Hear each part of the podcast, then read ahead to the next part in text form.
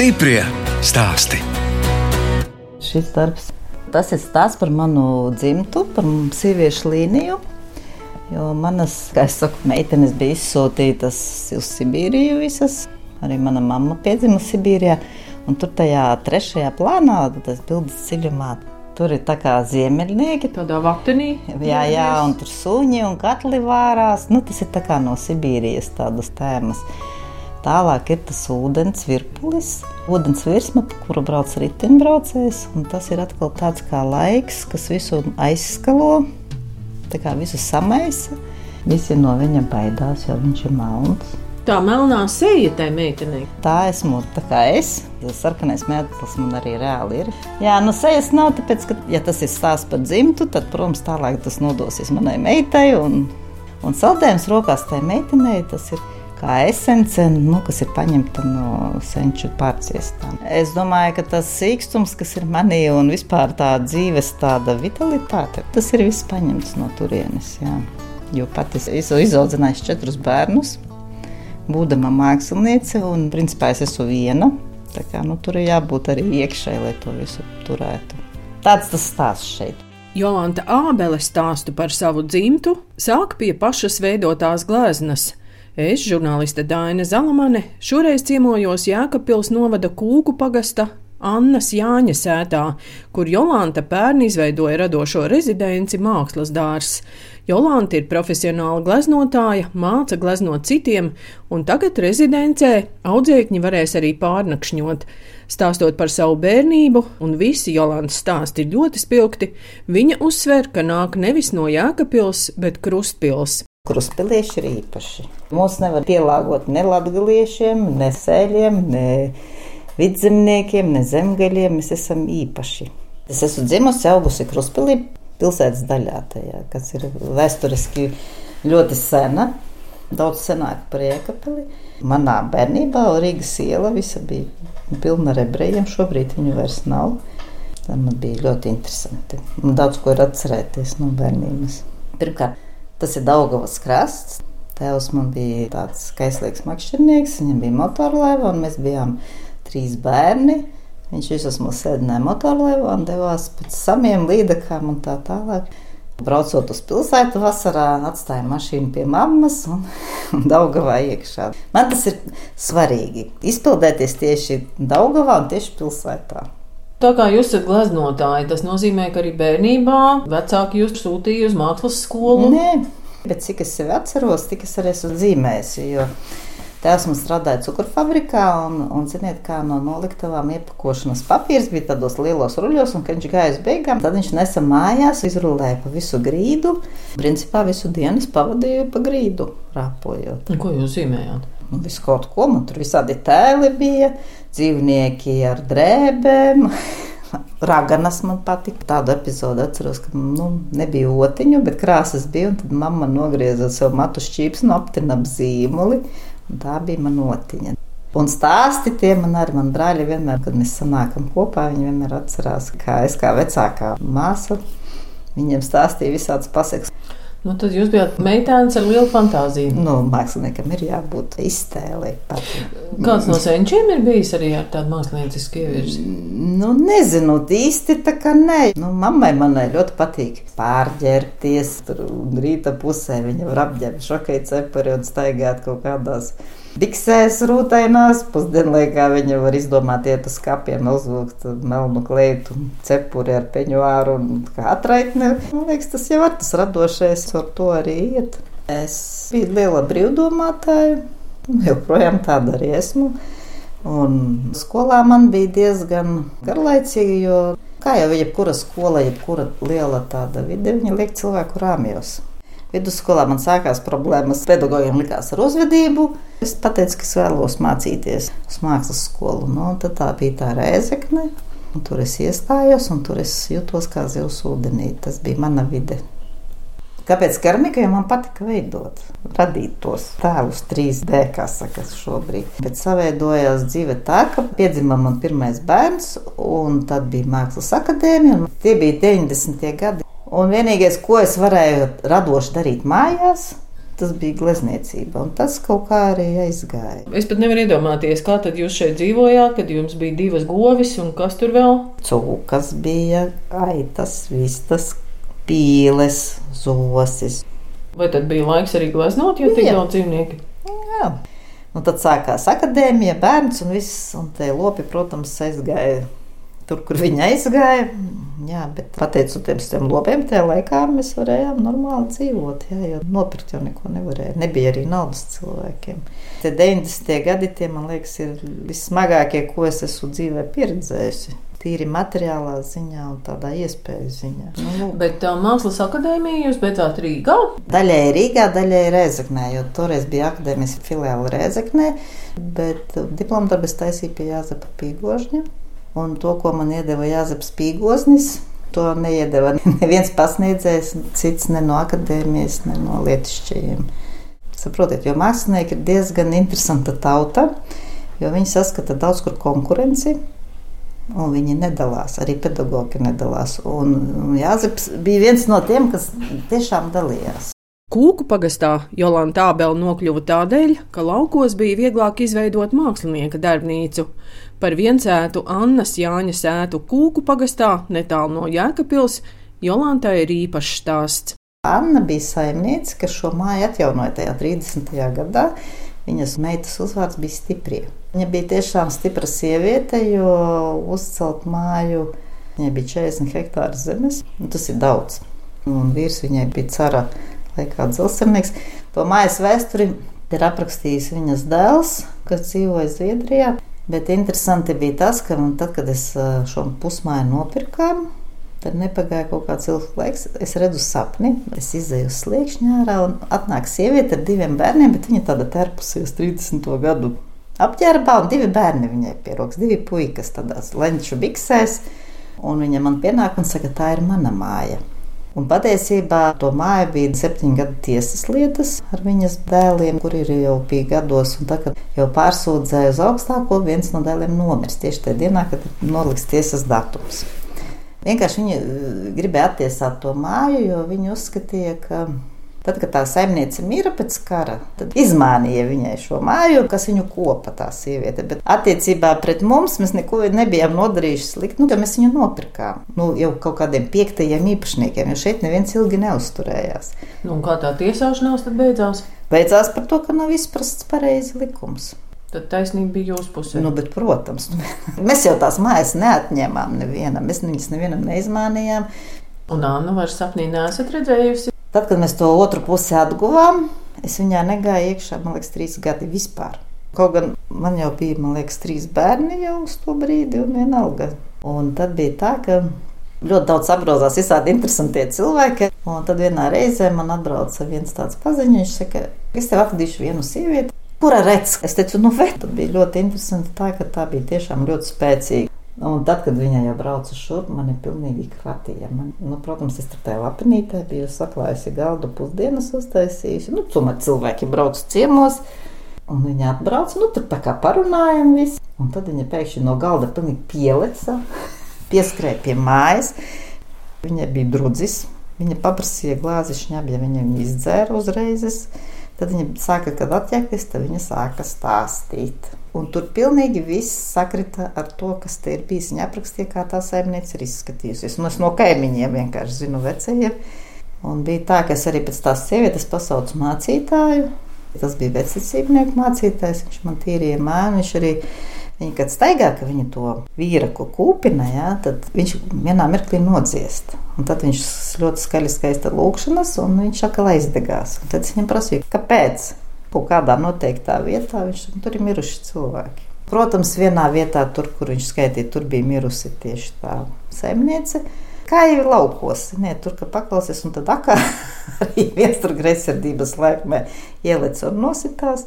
Nu, un palīdzēja tas mācītājs. Jā, Jā, jā, jā viss redzēt, viss taču ir sadarīts.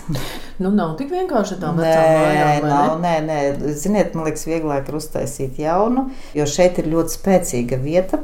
Šī vieta sauc Piejūti, un šeit ir viena no auglīgākajām zemēm visā Jēkabpils rajonā. arī visdārgākā lauksaimniecības zeme, un es domāju, arī enerģētiski ļoti spēcīga, jo tad, kad, piemēram, nāk negaisi vai kaut kas tāds, ja, piemēram, šoseis līdz liedus, tad šeit ir putekļi. Principā te ir katrā mājā ir tādi stāsti, par kuru ir vērts pat uzrakstīt romānu katrā no šīm vecajām mājām. Un es visu laiku domāju par tiem cilvēku likteņiem, arī par tiem dzimtas stāstiem, kā piemēram senči var sabojāt dzīvi nākamajām paudzēm. Un šobrīd dzīvo vieni alkoholiķi pārsvarā. Tie ir jau viņu nu, pēcnācēji. Tie bērni maksā par vecāku grēkiem? Jā, jā, jā, jo tur tiešām tur ir noindēti, tur ir viss kaut kas te bijis. Dēļ mantas. Un šeit ir tā krustpils. Ir, ir krustpils. Ir krustpils. Jā, jā. Redz, tas nosaukums - krustpils, krustapils. Nu, krust, nu, krustceles, jo arī krustpils ir tāda vieta, kur satiekas upes, tā ir Raivīgste, Daugava, Nereta ceļi krustojās. Dzelzceļš krustojas Reizekne Daugopils. Es arī kā mākslinieca esmu arī gan krustpils kādreiz novadam simboliku veidojis un pētījusi, kāpēc krustpilī nekas nenotiek, jo krustpils ģerbonī bija ielikts it kā krustpils krusts, un tas krustpils krusts bija ar apcirstiem galiem. Nu, ļoti man nepatīk cilvēki veido un izmanto zīmes, ko viņi nepārzina. Tas mums ir viss ir zemapziņā, un zemapziņa lasa pilnīgi citu informāciju. Un tas krusts es ilgi pētīju, ko viņš simbolizē. Man vispār es biju šokā no tā, ka pirmkārt ka apstādina enerģiju. Nu, tas nozīmē nāves stāvoklis, un otrs bija, ka senie balti nodedzināja ciemu un ievilka pelnošo zīmi, lai nekad neatgrieztos. Iedomājieties, ja ko pašvaldības dara. Un pēc tam brīnās, kāpēc nekas nenotiek. Tagad ir apvienojusies tas Jēkabpils novads un Jēkabpils novada ģerboni. Arī es esmu veidojis. Viņš tagad jau ir apstiprināts jaunais ģerbonis, un tur es esmu ielikusi arī krustpils. Kāsas un krustpils krustu. Bet, Bet ne to krustu. Un mākslinieki tie, kas maina pasauli. Nu, es nerunāju tīri par gleznotājiem, bet principā par kultūras cilvēkiem, jo viņi tā kā paredz jau tā kā iezīmē kas notiks. Ja? Un man liekas, ka apvienot Jēkabili ar Kruspili kopā tas ir ļoti pareizi un skaisti, lai notiktu apusē darbība un kustība. Stiprie stāsti!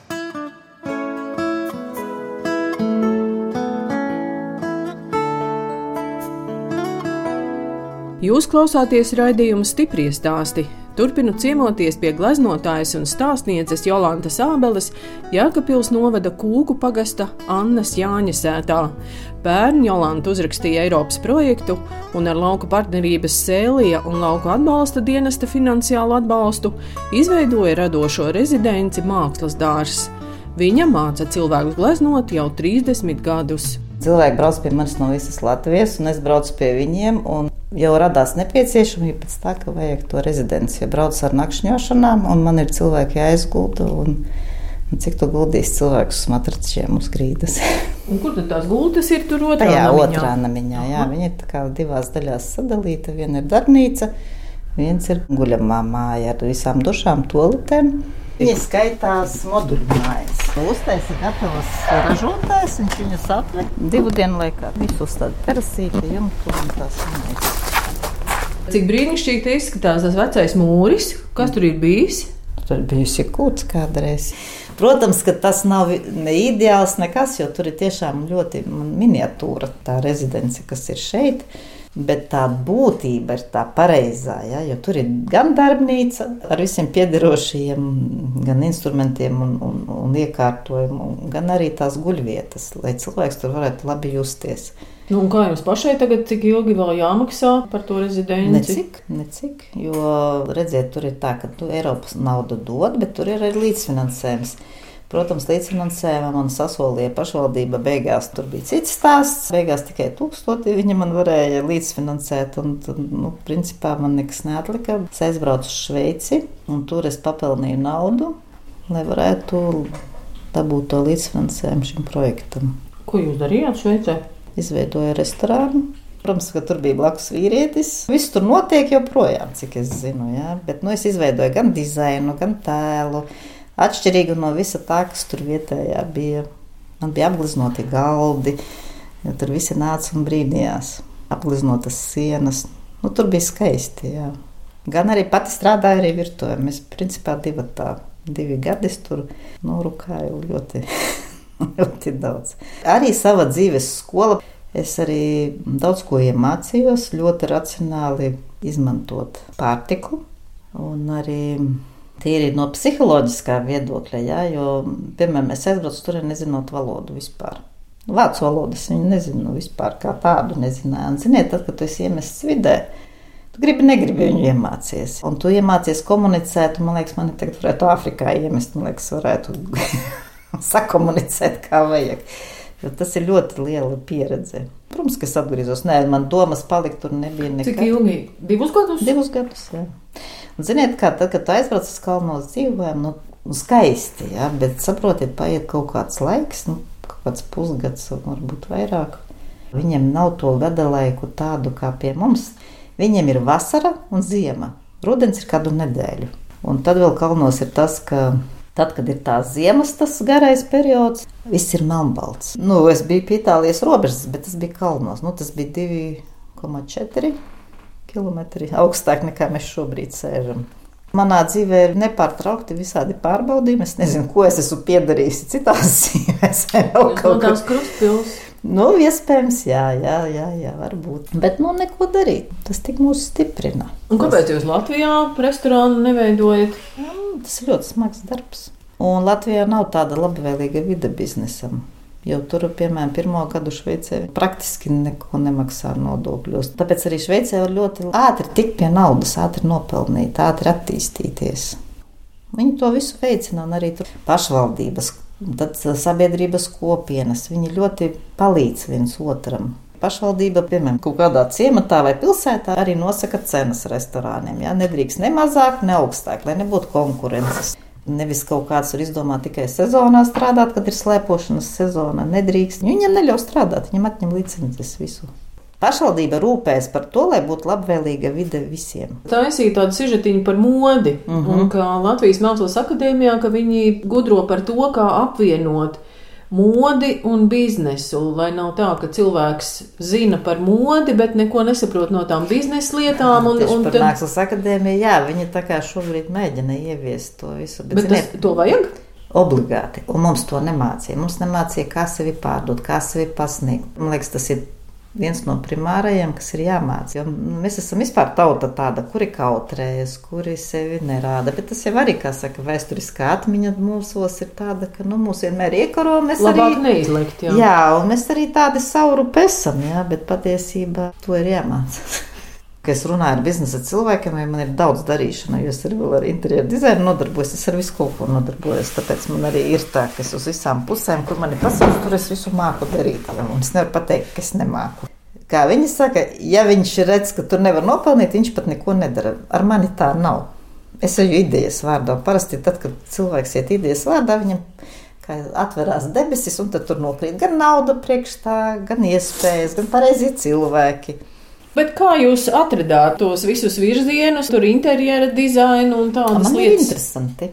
Es esmu šausmīgi zinkārīga. Bet jūs arī kaut ko pamācījāties Jā, klāt? protams, jā, man ir interjera dizaina certifikāts. Es esmu arī izmācījusies vēl par dizaina pedagogu. Tad, kad man ir interesanti, es to nedaru dēļ papīra, kā ļoti daudzi dara. Bet tas bija tīri aiz intereses. Jūs strādājat tagad arī? Jā, tagad, es, darbu? tagad no šī gada augusta es strādāju arī te pašā Sēlijas partnerībā par projektu koordinātoru. Nu, vienkārši jau pieredze ir ar tiem projektiem. Un kā jūs savus gleznas pārdodat? Klienti man ir paši atrodas. Nekad neesmu nekur nelikusi, nekādos veikalos, nekur. Un viņi jums pasūta, ko viņi grib, jā, kas lai diezgan. būtu.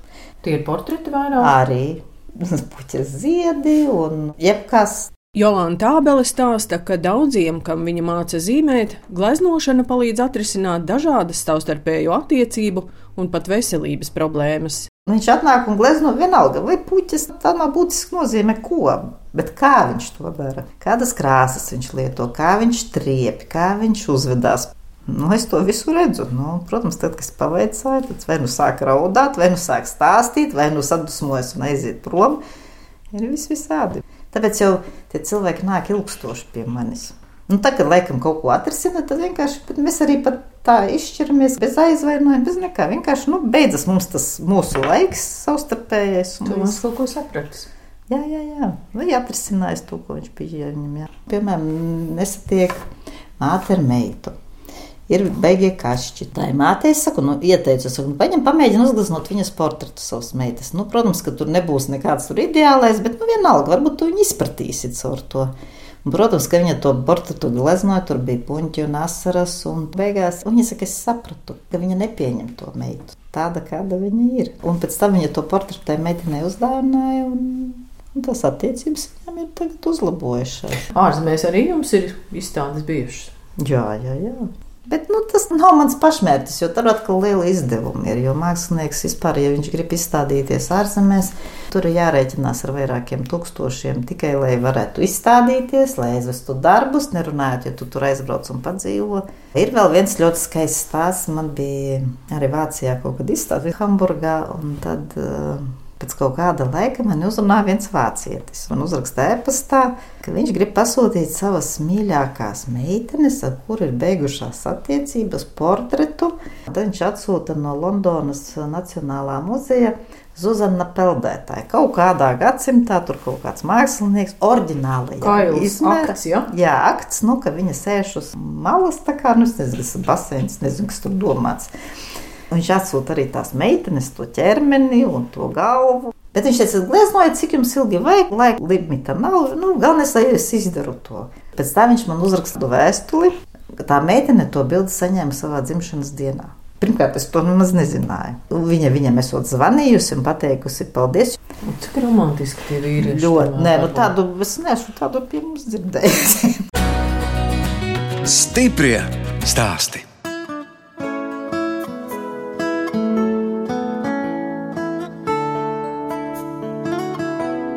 Jūs klausāties raidījumu stipri stāstī. Turpinu ciemoties pie gleznotājas un stāstnieces Jolantas Ābeles, Jākapils novada Kūku pagastā.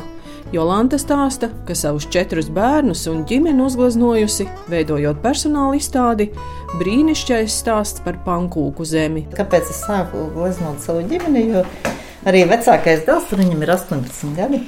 Viņš visu laiku teica, mātu visus skaistākos darbus pārdot ko tu mums atstāsi? Nu, tad es viņus arī sagleznoju. Tas stāsts arī sākās ar to, ka es tajā laikā gaidīju savu jaunāko bērnu. Nu, jau man bija 40 gadi, protams, jau nebija nekāda jauniete. un tad man tie mazie prasa, nu, kas mums tur būs, kas mums tur piedzims.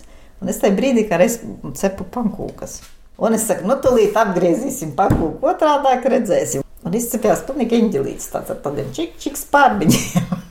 Es domāju, cik skaisti varētu kaut ko tādu uzgleznot. Un tad tā par tām pankūkām tas stāsts arī dzima. Tā kā es dzīvoju kuku pagastā, tad eh, jebkurā mājā kādas kūkas cep, tās ir pankūkas. Un man arī tā izstādes saucās stāsts par brīnišķīgo pankūku zemi. Nu, tur bija visi mani bērni ar pankūkām. Glezna, kurā attēlota Jolantas meita Beāte ar pankūku šķīvi, atrodas virtuvē. Es atceros, kā es liku turēt viņai šķīvjus ar un es nevaru noturēt. Viņš tas, kas smagi, jā, viņa tā saviebusi par to muti tur tā. Nu, jā, tur viņai kaut kādi 10 vai 11 gadi. Tad bija nākošā, ko es gleznoju. Tas bija laikam šī bilde, jo manam dēlam vecākiem, nu, ja redzat, bija 18 gadi. Viņš mācījās gimnājā, visiem puišiem jau bija meitenes, un viņam nav meitenes, un man, ko man tagad darīt?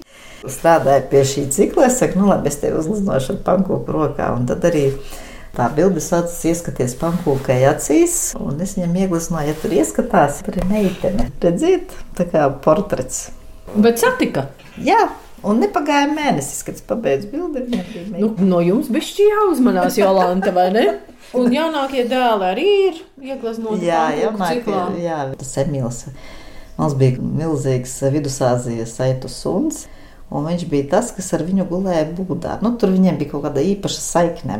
Viņa viņu uztvēra kā savu bērnu. Tad es viņus tur kopā uzgleznoju pankūku kalnu.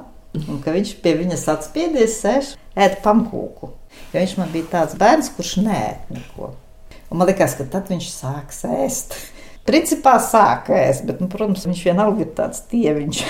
Tā bilde bija pankūku sargi, un tad jaunākajam bija atkal ar to pašu muri, jo viņai ir abi vienaudži. Un viņš vēl tāds man, man bebis tajā bildē, un viņš nes to pankūku pāri plecam, un tas mūris tur ķeksē to. Un mūrim, starp citu, ļoti garšo pankūkas. Tas arī ir pārsteidzoši, jo tā, kad uzcer pankūkas, viņš viņas ķeksē no galda lielās. Viņš ar nagu novelk zemē, un viņš principā pus pankūku var apēst. Jolanta, jūs teicāt, ka nav viegli sievietei vienai četrus bērnus audzināt. Nav, nav, nē, nav gan. Bet uh, kā bērni jūs uztver, kā mammu, tādu radošu mm. mākslinieci? Nu, ziniet, protams, viņi gan pārmet, ka es esmu viena. Gan pārmet to, ka man ir bijusi nepareiza izvēle attiecībā pret partneriem. Tā tas ir. Nu, es viņam arī piekrītu. Bet, nu, ziniet, kā māksliniekam, māksliniekam vajag emocijas. Un, mākslinieks nevar radīt, ja viņam nav to pārdzīvojumu emocionālo. Protams, ka viņi arī cieš no tā, joprojām arī.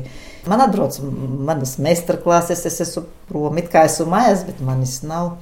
Protams, ka bērniem, nu, es neesmu ideāla māte, tas nu gan. Ja runājam par astroloģiju, nu ne par velti mums vecāku un bērnu attiecības vienalga vai nu ir problemātiski bērni, vai nu ir problemātiski vecāki. Kā nu kuram karmiski tas ir jāatstrādā. Un man ir jāmāk viņus kopā saturēt, lai viņi būtu justies kā brāļi un māsas. Mana mamma to mācīja daudz labāk, jo man ar brāļiem ir ļoti labas attiecības. Nu, tādas, ka es varu naktī piezvanīt, ja man nokritīs riepa vai man neies elektrība, atbrauks un nav problēma tur nekad. Jūs teicāt par meitu, ka jūs cerat, ka meita būs keramiķe un turpinās to radošo, bet kas tad dēliem interesē? Vecākais dēls man ir beidzis filologus, svešu valodu. Bet šobrīd viņš ir programmētājs, un es domāju, nu, viņam tas patīk un viņu tas interesē. Emīls ir Emīls, kā saka. Jā, viņu ir. To man visi vecāki Tas saka. ir tāds mans, nu, viņš ir ļoti atšķirīgs no tiem trījiem. Ko viņš darīs dzīvē, nu, viņam interesē mūzika, viņš raksta bītus. Mazākais, nu, tas man liekas, tas arī būs tāds radoša personība. Vai viņš būs mākslinieks, es nezinu, bet, kad viņš bija tāds mazs, tas bija arī interesanti, ka viņš saliek tur tādus lego cilvēciņus daudz, un tur viņi tur visi staigā. Un viņš tur kaut ko runā un maina balsis. Tur viss notiek. Viņam pļauj zāli, un viņš tur ar viņš tur izspēlē visādas autos sacīkstes un ko tik. Nē, nu, man liekas, ka es vienmēr smējos pats sev režisors. Jolanta, kādi jums sapņi? Ja godīgi, bieži vien pašai sevi jāapstādina, jo arī tā trauksme, viņa arī uz veselību tomēr atstāja savu kaut kādu arī tas laiks ir tāds, ka viss notiek ļoti strauji mainās. Arī par to pašu kara darbību, arī tām pašām tehnoloģijām, kas te notiek. Bet lauki nedod vairāk miera. Nu, tāpēc jau es esmu šeit. Bērni ir tie, kas tevi tur pie zemes un kas tev arī liek racionāli domāt un būt sazemētai. Jā.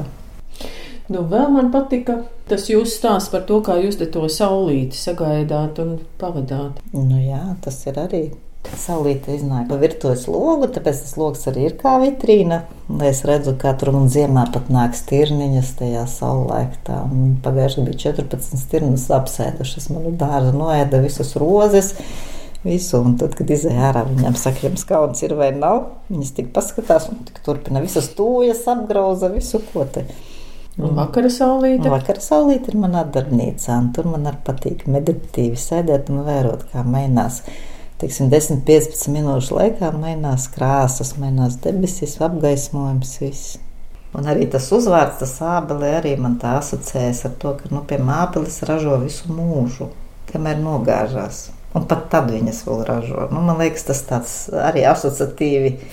Un, un vēl ir tāds skaists stāsts, man liekas, tas bija kurai no rakstniecēm. Ja, Dieva iesētas sēklas, sēkmalē. Ja? Nu, tas man liekas, tā ir skaisti. Ka aug un ražo visu mūžu. Skaisti tas tā.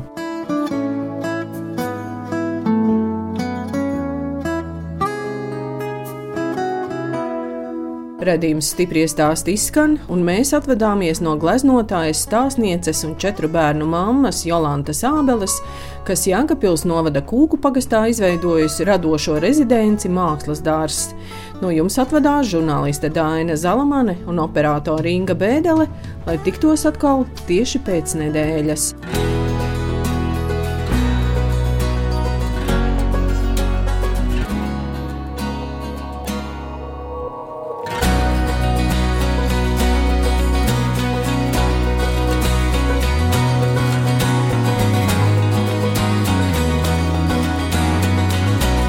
Stiprie stāsti!